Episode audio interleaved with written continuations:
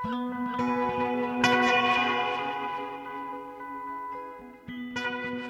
og sæl, kæri hlustendur. Halla Harðardóttir og Melkorka Ólafsdóttir heilsa ykkur úr hljóðstofu Vísjár þriði daginn 15. november. Í þætti dagsins hins einn myndlist, dansmania og eiga. Söfnin á Íslandi eru búin að stunda útlokun á hins einn fólki í sínu karlæga veldismunstri svo lengi sem sögur herma. Og ef að karlar þurfa að vera kvarta yfir því að einhver hópur ætla að taka sér plás, þá verður þeir bara að gjöra svo vel að kingja því. Þetta er skoðun Indu Eldborgar sem er einn síningastýra síningarinnar til sínis hins egin umfram aðra sem nú stendur yfir í nýlistasafninu. Sýningin er svo fyrsta í íslensku safni sem ávarpar stöðu og sínileika hins egin myndlistafólks nú og í sögulegu samengi. Meira um það hér undir lok þáttar. Í júli árið 1518 fór á stað sérkennilegur faraldur á svæði sem nú tilherir Fraklandi. Faraldurinn upphófst hjá konu sem heitan sumardag steig út á stræti Strásburgar og byrjaði að dansa. En þann dag í dag leita leiknir og læriðir skýringa á því sem svo gerðist. Í tilefniðis að á morgun hefst nokkura daga dansháttíð Reykjavík ætlum við að minnast þessa sérkennilega atbyrðar í sögu Evrópu. En við hefjum þáttinn í dag í leikúsinu. En nýtt íslenskt verk, Eija, var fyrir um síndum liðina helgi í þjóðleikúsinu. Eva Halldóra Guðmundsdóttir tekur nú við.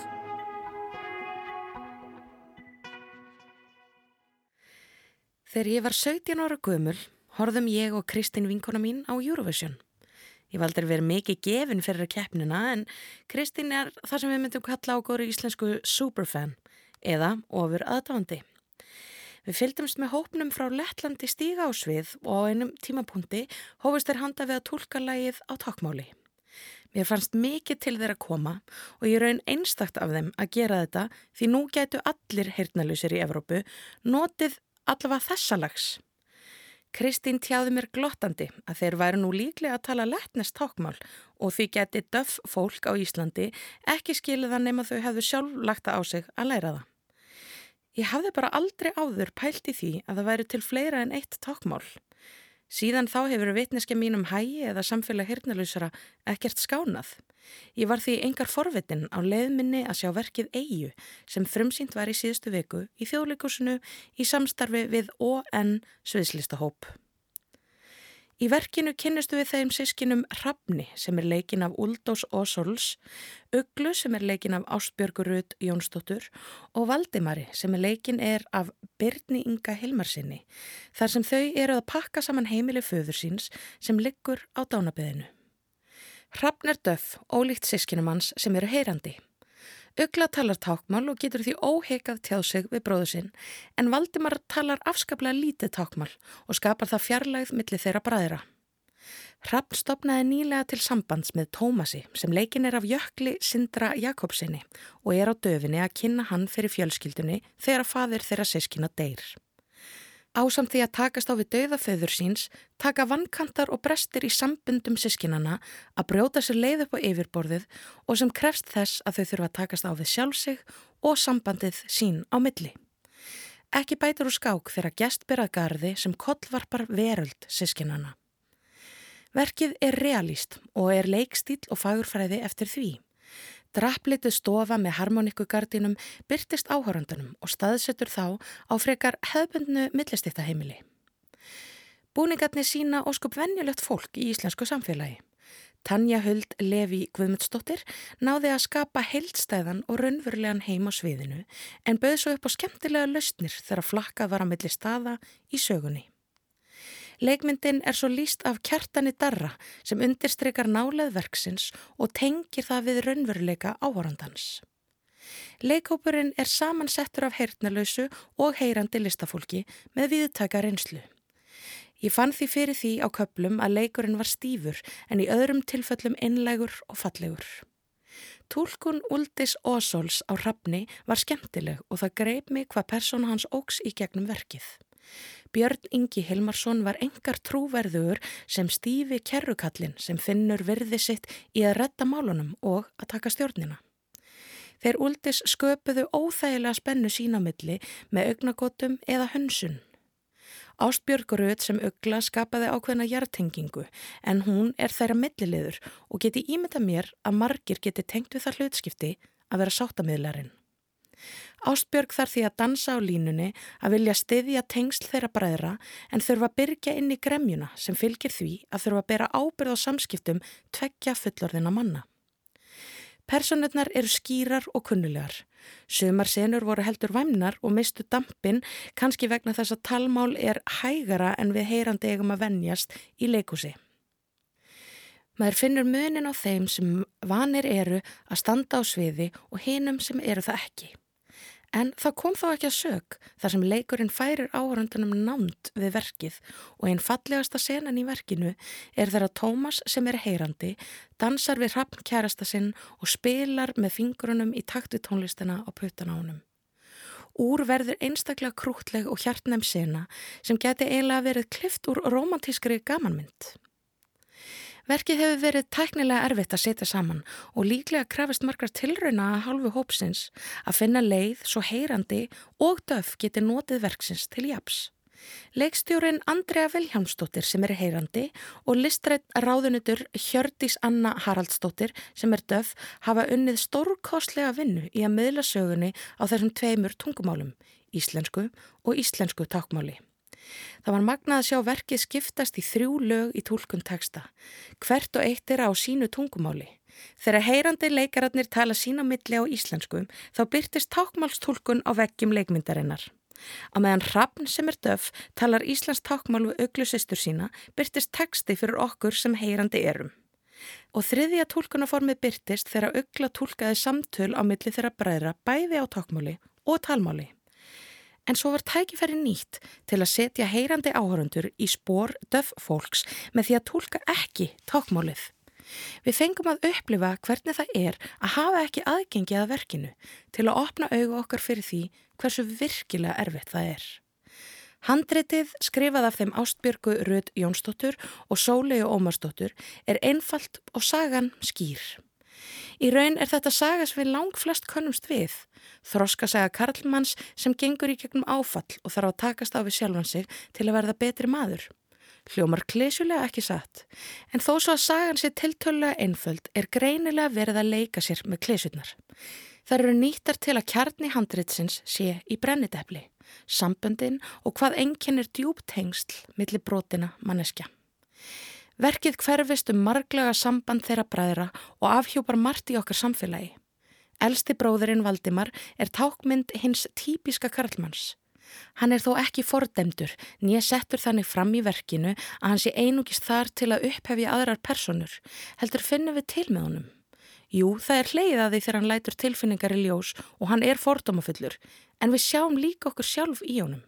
Við skiljum hann því við höfum öll staðið frammi fyrir því að finnast við ekki tilheyra. Það er einmitt það sem samin er þá bræður.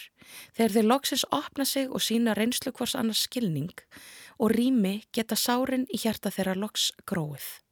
Fjarlæðin millið þeirra er ekki einungist því að kenna að eldri bróðurinn kunni ekki tákmál. Heldur einnig að fókusin þeirra er alltaf á það sem er ólíkt með þeim frekar en það sem samin er þá. Hrafnir heldur ekki alls saklus þótt hann sé ekki sömu forreitendastöðu og bróðir hans og það gera það verkum að sagan verður dýpri og ekki eins einföld og hún kemur manni fyrst fyrir sjónir. Þeir eru báðir vandræðilegir karlar sem eiga erfitt með að opna sig af óta við höfnun, eins og allar manneskjur.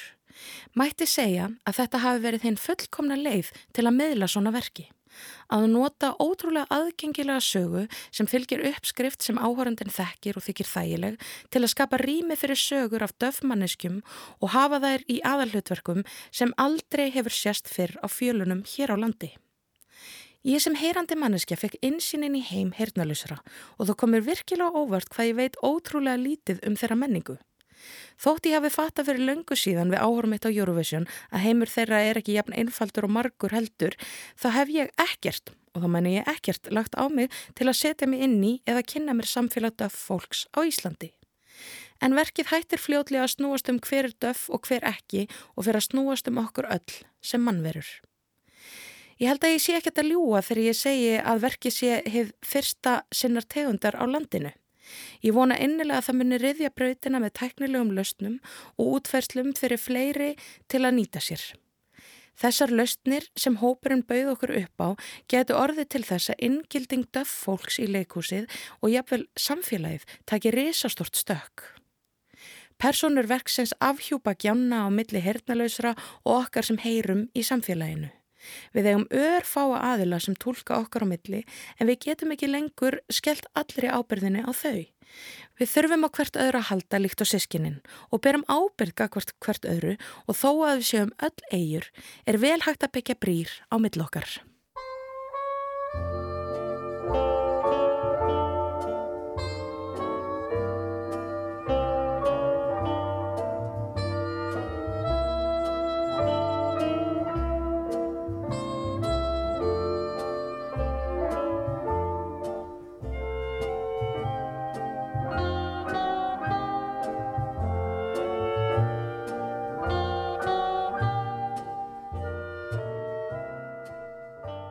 Ítölsk tónlist hér á eftir leikúsrýni Efu Halldóru Guðmundsdóttur sem að þessu sinni fjallaði um eigu nýtt leikverk í þjóðleikúsinu.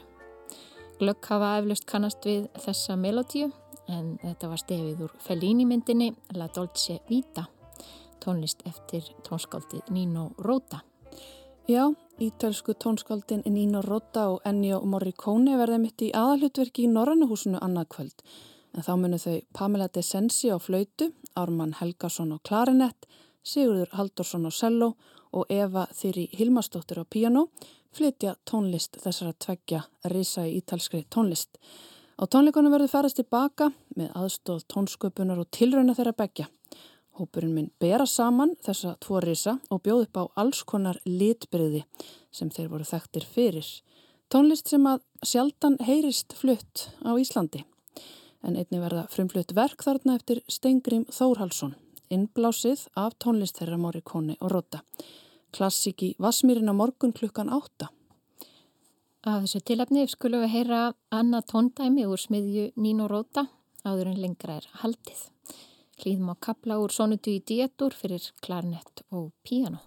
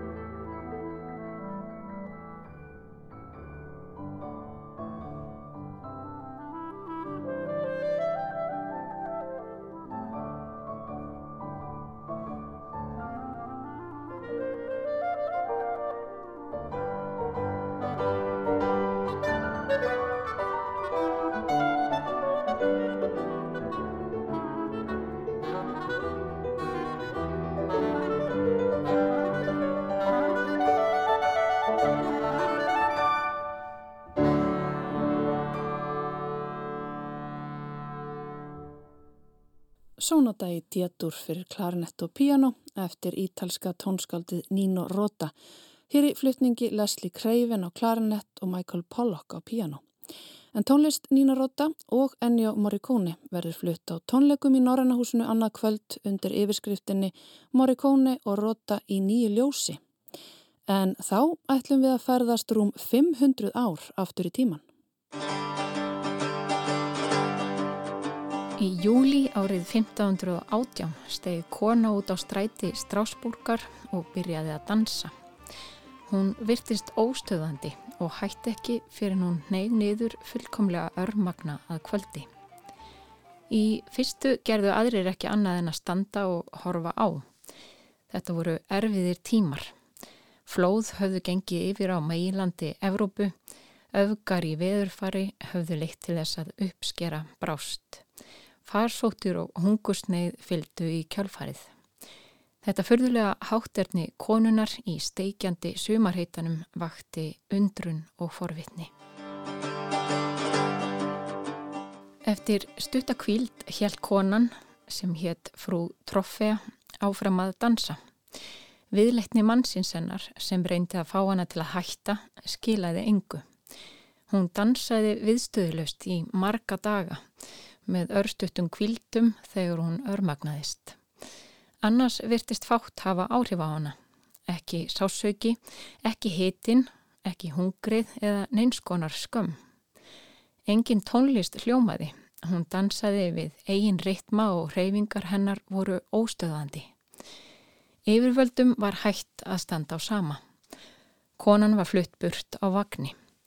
Farið var með hana til Savans þar sem helgidóm dillingsins Vítus var að finna. Santi Vítus var dillingur dansara og skemmtikrafta og hlaut að hafa lagt álög á auðmingjans konuna. Þessar aðfarir dugðu ekki til. Bettlarar, förufólk, nunnur, prestar og pílagrímar hafðu fylst með dansinum, heitlast af dansinum. Þau gátt ekki annað en fyllt fordæminu. Á innan við viku voru yfir 30 manns farin að dansa. Mjúkum, hægum, reyfingum dansaði fólkið viðstöðu laust dag og nótt. Sásöki og meðsli skiptu yngu máli. Fólkið virtist ónæmt fyrir hýta og hungri. Torg og stræti fyltust af dansandi fólki sem ekkert virtist geta stöðvað annað en örmögnun og mögulega dauði. Yfirvöld leitiðu skýringa í örvæntingu. Tilraunir voru gerðar með það að höfða til fyrirnæmt stýrlingsdansara með því að aka fólki út fyrir bæin, leggja krossa á brjóstess og setja það í rauð og skó. Ekkert virtist virka. Vísindamenn komu með jarðbundnari tillögur. Dansmanían hlautað eiga sér náttúrulegar skýringar. Dansararnir voru með of heitt blóð.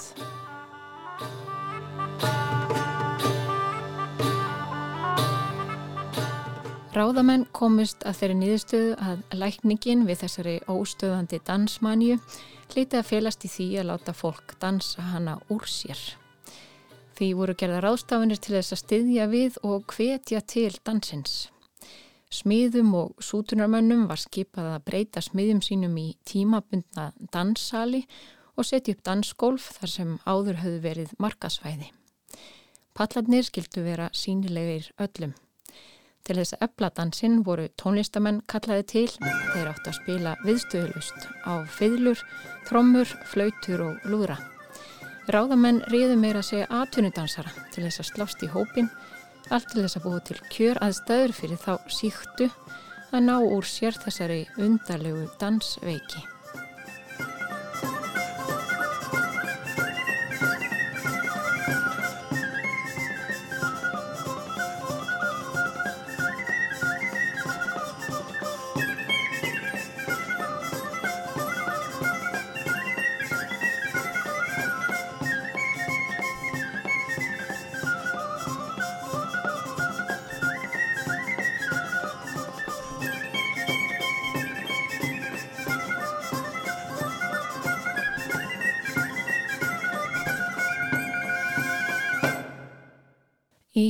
Í stuttumáli virku þessar ástafanir þver öfugt. Fæstir trúðu á lífræðilegar orsakir dansins. Fleiri drógu álíktanir um að dansmanjan væri vitnisspurður um reyði dansstílingsins vítusar. Fólkið hlaut að þurfa að dansa frá sér syndir sínar. Fáir reyndust syndlausir og sífelt fleiri ákveða slást í hóp hinna manísku dansara. Á innan við mánuði voru dansararnir orðnir 400. Yfirvöldum leist ekki á blíkuna og snýru taktikinni við. Dansskólinn voru tekið nýður og dans í ofinberi rými var með öllu bannaður. Örfáur undatekningar fundust á ströngum viðlögum við dansi en þær voru þó bundnar þeim skilmálum að danstónlist mátti aðeins leika á strengja hljóðfæri. Trommusláttur var með öllu bannaður og þótti talsvert líklegri til þess að íta undir dansmaníuna. Undir miðjan september mánuð rénaði loks manían. Þá hafði hún staðið yfir í rúman mánuð.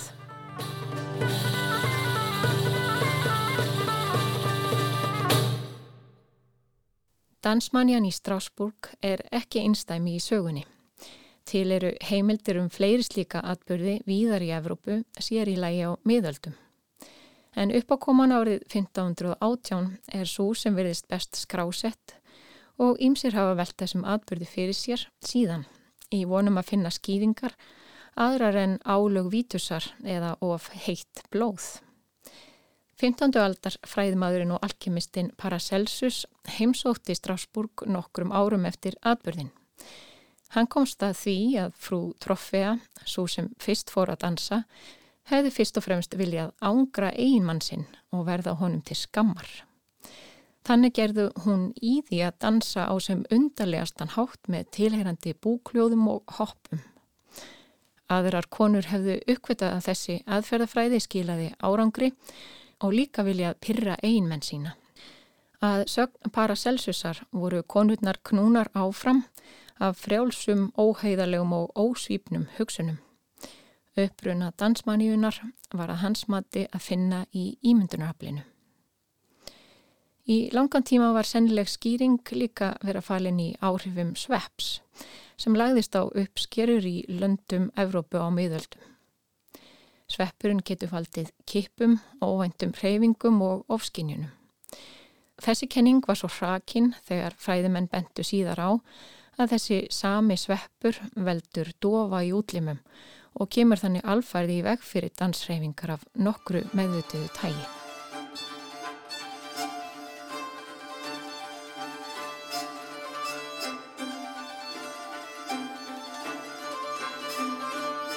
Í setni tíð hafa skýringar á dansmanjunni frekar verið sóttar til félagssálfræðilegra kenninga. Vísað er til fleiri skildra atbyrða eins og til dæmis hlátursmittsins í Tansaníu árið 1963. Þar byrjuðu nokkrar skólastelpur að flissa. Það var til þess að fleiri samnemndur þeirra fóru að hlæja. Þar til meiri hluti skólans lág í gólfinu, grátandi af hlátri og loka þurfti skólanum. Stelpuna fóru heim og smituðu fjölskyttu sínar og síðan heilu þorpin af hlátri. Læknar skráðu nokkur hundruð tilvika þessarar hláturveiki sem stóð almennt yfir í um vikuð.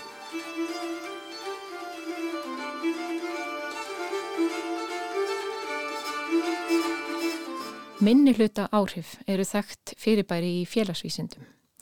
Ef minni hluti er nógu staðfastur, getur hann haft mikil áhrif og jáfnvel snúið meirulhuta á sitt band. Og einhvað er í grundvallaratriðum heillandi við augnablík þar sem samfélagsgerðin verðist dropna. Það sem vennjum er skipt út fyrir mun undarlegri og óútskýranlegri uppákomur. Það sem ein manneska getur valdið einhverju óhugsandi. Dansmannjan fangar í senn hrifnæmi og sjálfseyðingu. Hún felur líka í sér líkamleg mótmæli, upprunin á tímum þegar fólkat fáur áðið nema mögulega sínum eigin líkama.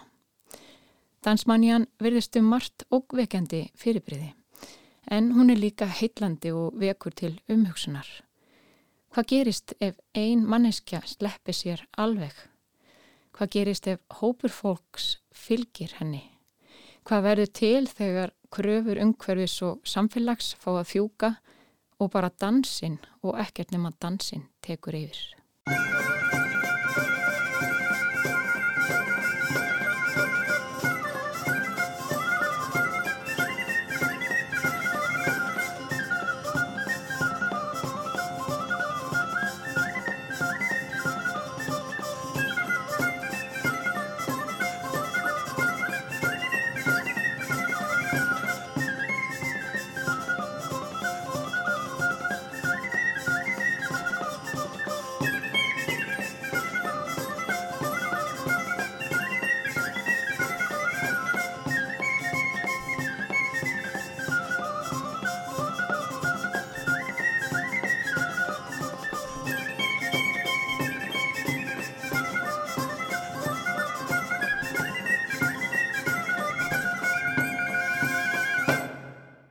Melgorka saði hér frá áhugaverði tímabili í danssögunni þegar dansfaraldur reið yfir svæði sem að nú tilherir Fraklandi.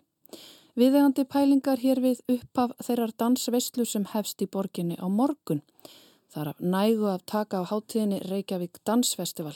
Áhugasum getur þetta kynnt sér dagskrá á vefsíðu hátíðarinnar en til að mynda er fyrsti viðburðin klukkan tíu í fyrramálið og þá verður marg verðlaunada listakonan Tjara Bersani með vinnustofu á dansverkstæðinu.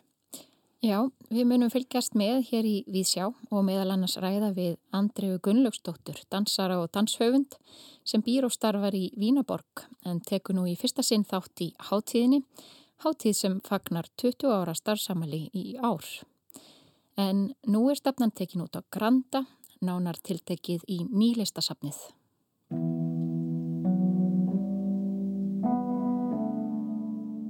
Til sínis, hins egin umfram aðra, síning sem að nú stendur yfir í nýlistasafninu, er fyrsta síningin í íslensku safni sem ávarpar stöðu og sínileika hins egin myndlistarfólks, nú og í sögulegu samengi. Sýningin leiði saman ný verk hins einn myndlistafólks í samtali við verk úr sapneign sapsins. Sýningastýrur eru listfræðingurinn Inda Eldborg og listamanneskjan Viktoria Guðnadóttir. Ég heiti Indu í nýlistasafninu og eftir að hafa gengið um sýninguna settumst við niður með kaffibotla og rættum aðdraganda hennar. Sko, þessi sýning á sér langan aðdraganda sjö ára aftur í tíman svona í íslensku samhengi. Því að þá byrjaði ég 2014 þegar ég flutti aftur til Íslands og kom á námi að skoða svona hvað hvað væri ekki verið að gera á Íslandi. Og það blasti bara við mér strax. Það er engin að hugsa um hins einn fólk, sögur þeirra, reynslu og, og tilveru þeirra í myndlist. Þannig að ég fór bara stað og fór að kenna hugmyndina og byrjaði að vera með síningar niður í Suðugötu sjö mm -hmm. þar sem eingöngu hins eginn fólki var hleyft inn til að sína. Það var bara hardcore stefna og, og listfræðilega yfirlýsing. Út frá því svona örðu til fleiri verkefni uh, sem snerust að því að hins egja menningararfin á Íslandi og gera hins eginn fólk sínilegt í þessum listheimum sem að á Íslandi eru mjög sishett styrðir. Þetta er bara hard, hardcore kerfi þar sem að hérna allt er felt undir heteronormatíft sjónarmið í listum. En það söfnunum öllum stjórnað af heterofólki. En smá saman urðu til svona önnur hliðarverkefni og það er hægt að nefna sko það sem við gerðum út í þjóðminjasafni, regnbóðaþráðinn og þá var komið held ég árið, hvað, 2017 þegar við byrjuðum að vinna að því eftir að ég hafði svona talað um það á aðalfundi samtakana 2016 að hins eginn fólk væri algjörlega afskipt á færibandi þjóðminnarsapsins þar sem að hérna nútíminn er varðveittur og það var ekki einu sinni sko regnbógafánin. Emmitt og þið gerðu þessa síningu þar sem að var svona dreyi fram í dagsljósið saga, hins einn saga sem að auðvitað er til þarna innan veggja. Já, já, hún er til en okkur var svo sem ekki leift inn í geimslutnar til þess að, til þess að finna gripi, til þess að hins segja þannig að við þurftum að nota bara það sem var á síningunni og eitt af því sem okkur dreymdu um var að búa til sko hins eginn síningu í bógasalnum en uh, það þurfti endilega að hafa síningu um uh, kristni í, á Íslandi. Eins og kirkjan og hins eginn leikin eru tengd þá hérna var hins vegar ekkert talað um það hvernig kirkjan hafði komið fram við hins eginn fólki gegnum aldirnar. Það var bara þurkað út. En þannig að við býðum enþá eftir stóra tækifærinu í þjóðminnesefninu. En eins og þú segir þá varstu nýkomur úr námi, þú sést að varst í doktorsnámi í safnafræði á Englandi yeah. og hérna kemur heim uh, og stopnar Galleri 78. Segð mér hans frá þessari, þessari senu. Já, þetta var svona uppgötvunar leiðangur fyrir mig að, að uh, og, og hana ástísi sem var með mér í þessu að, að reyna að draga hins eginn myndlistar fólk fram úr myrkviðum samfélagsins og gera þau sínileg, uh, reyna að vekja aðtekli fjölmiðla og, og fá viðtöl við okkur í blöðum og tímaritum. Það gekk nú ekki alltaf vel en við, við áttum hauga í hotni upp í útvarpi sem að okkur þótti mjög væntum og það komu nokkra umfjallanir en það var engin gagnir í nandi eða neitt slíkur sem að hérna lagði leið sína til okkar til þess að að tóa hvað við varum að gera en uh, það kom svona ýmislegt í, í blöðum og, og art sín og svona sem að mm -hmm. þú veist hjælt, hjælt lífi í okkur þannig að þú veist það voru alltaf svona smá sigrar. Mm. Við vorum alltaf að vinna smá sigra, ekkert mjög stóra, en fram að þessum tíma var þjóðminjasafnið að vita stærsti sigurinn og þessum sigurum átt eftir að fjölga. En segðu mér enda, hvenar var þessi sena, þessi hinsegin sena til í, í Reykjavík, myndlistarsena, hinsegin myndlistarsena? Mér finnst að hún hafi ekki eiginlega farið að verða sínileg fyrir en kjúfjalagið fór að halda myndlistarmarkaði fyrir hins eginn myndlistarfólk upp í, myndlista, nei, upp í listaháskóla í fyrra og svo aftur núna þá fann ég að það var eitthvað að gera sem skipti verulega miklu máli eitthvað skonar vitundarvakningu um það að, að unga fólkið vil vera sínilegt á sínum eigin forsendum með sína myndlist, segja sínar sögur, deila reynslu sinni á fjölbreyttan hátt. Þannig að það er þú veist finnst mér stóra skrefi þegar unga fólkið kveikir á perunni. Þá ég sé svolítið rættum að þau fái ekki allan þann stuðning sem að þau þurfa í þessum heterómiðuðu skólum sem að er í gangi. En að það er að lagast. Það er að vinna svona smásigrar. Fyrir þreymur árum síðan auglisti nýlistasafnið eftir hugmyndað síningu og þá sendu þær Inda og Viktoria inn hugmynd sem var hafnað en í kjálfarið bauð safnið þeim stöllum til samtals. Það reytu stjórn safnsins og niðurstaðan var svo að þær myndu vinna síningu sem var byggð á safnegninni og búa um leið til samtal á milli hins einn listafólks af nokkrum kynnslóðum. Þannig að þið Viktoria fóruð að gramsa og skoða alla sapnignana og, og svona sjá hvernig verkin töluðu til ykkar. Mm -hmm. Nú þarf ég að spyrja þig hvernig verk eru hins einn verk? Já, þetta er einmitt grundvallar spurning í svona, í svona vinnu. Sko það sem við hafðum til liðsjónar við valið voru nokkrar fræðikenningar. Kjarnin er sá að til þess að vera hins egin myndlistaverk þarf það að vera eftir hins egin mannesku. Það er svona regla nummer eitt. Síðan eru svona variantar um það hvaða, hvar svona áherslupunktar liggja. Og það er, þú veist, eitt af því sem fræða fólk er ekki sammála um. Og síðan höfðum við okkar hinsegin regnboga glerugu með öllu þeir litaflóði sem að þar er að finna.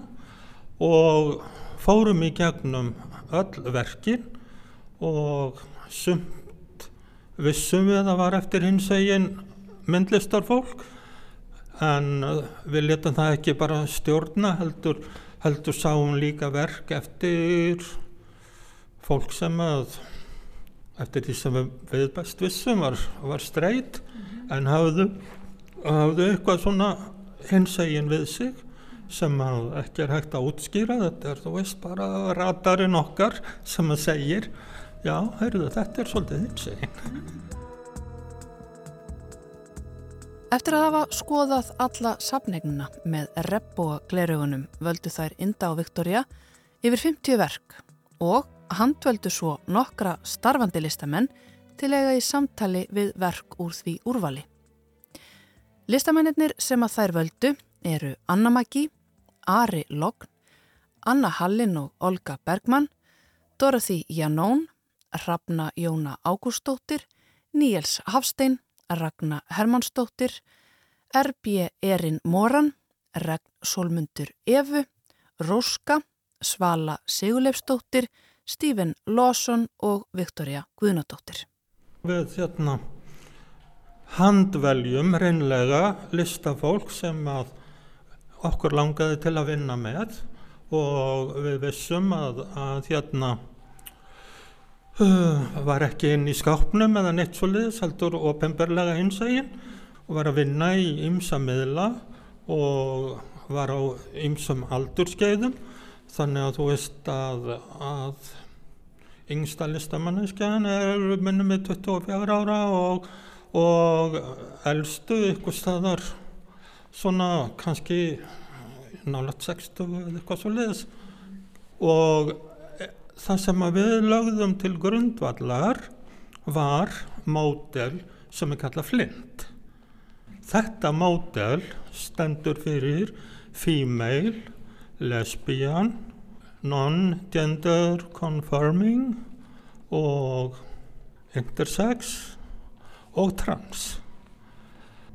Þetta eru hópar sem að sannanlega hafðu verið ósýnilegir í íslenskum listheimum sem hins egin fólk en sem hafði að okkar mati börði til þess að geta hinsagt sapningnina ásamt okkur á mjög kraftmikinn og frumlega nátt.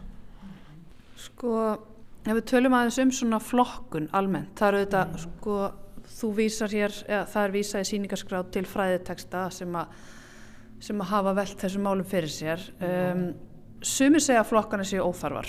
Við vitum það, að það er sko sumir finnst ekki að skilgreina listaverk út frá kyni kynvitund eða uppruna.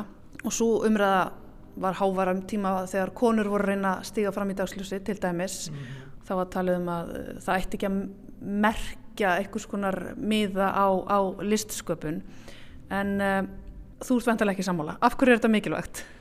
Sko nota bene, þeir sem að sáðu þetta til dæmis þegar stóra kvennasýningin var á kjærvalstöðum 85 voru allt saman kallmenn.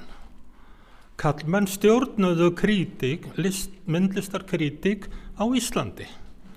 Og sem betur fer er aðeins farið að brotna sámúr og við höfum notað þessa síningu sem dæmi um það að stór hópur listafólks tekur sig út úr þessu mengi sem er kallað myndlist og kemur fram á sínum eigin forsendum með sínar eigin sögur, sína eigin reynslu og frásagnir og gera það af rosalegum krafti.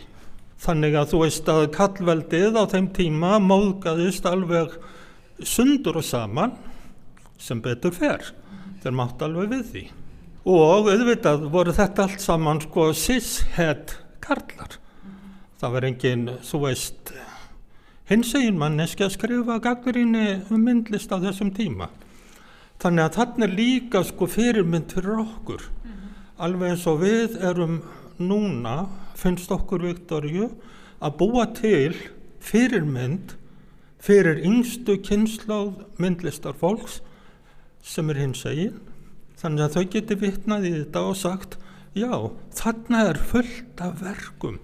Þarna eru, þarna er listafólk sem við getum kannski litið til sem fyrirmynda og stækka þetta mengi okkar. Akkurat.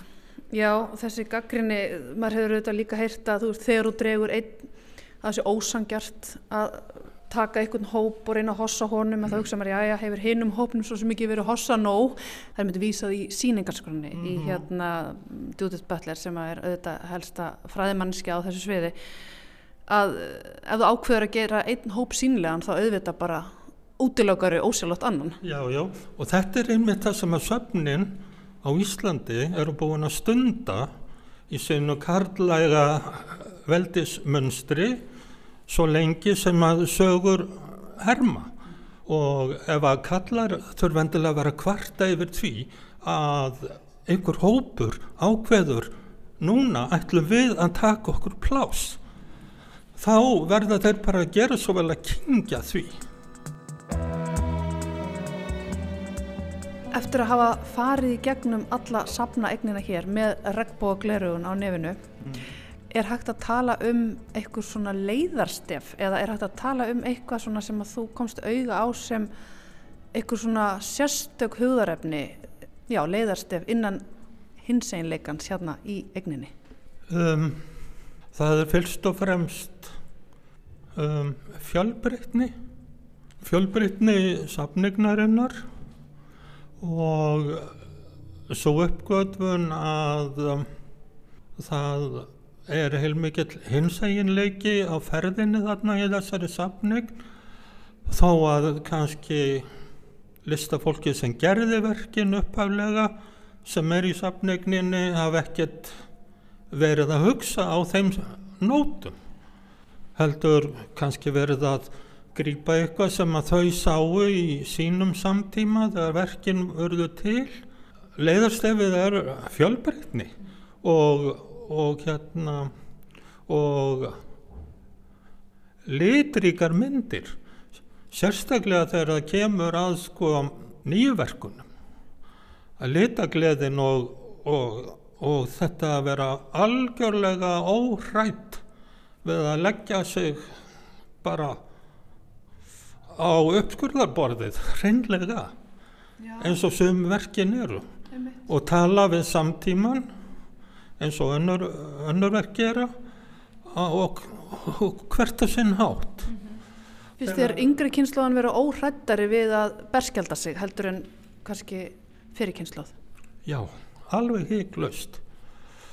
Mér finnst það að þú veist til dæmis mjög augljóst á þessari síningu að yngsta listafólkið kemur reynlega fram eins og það er klætt og hefur yngar áhyggjur af, þú veist, ofbeldinu og, og hryllingnum sem að, þú veist, mæta þeim í daglegu lífi og í daglegri baráttu.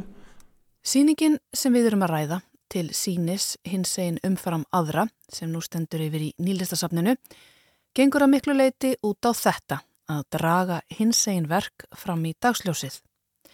Það er enda á Viktoria byrjuði að vinna hana fyrir þremur árum síðan og á því tímabili hefur orðið talsvert bakslag í baráttu hins einn fólks. Eins og við höfum orðið vitnið að og séð í fréttum síðustu vikur, ekki bara út í hinnum stóra heimi, heldur einnið hér á landi.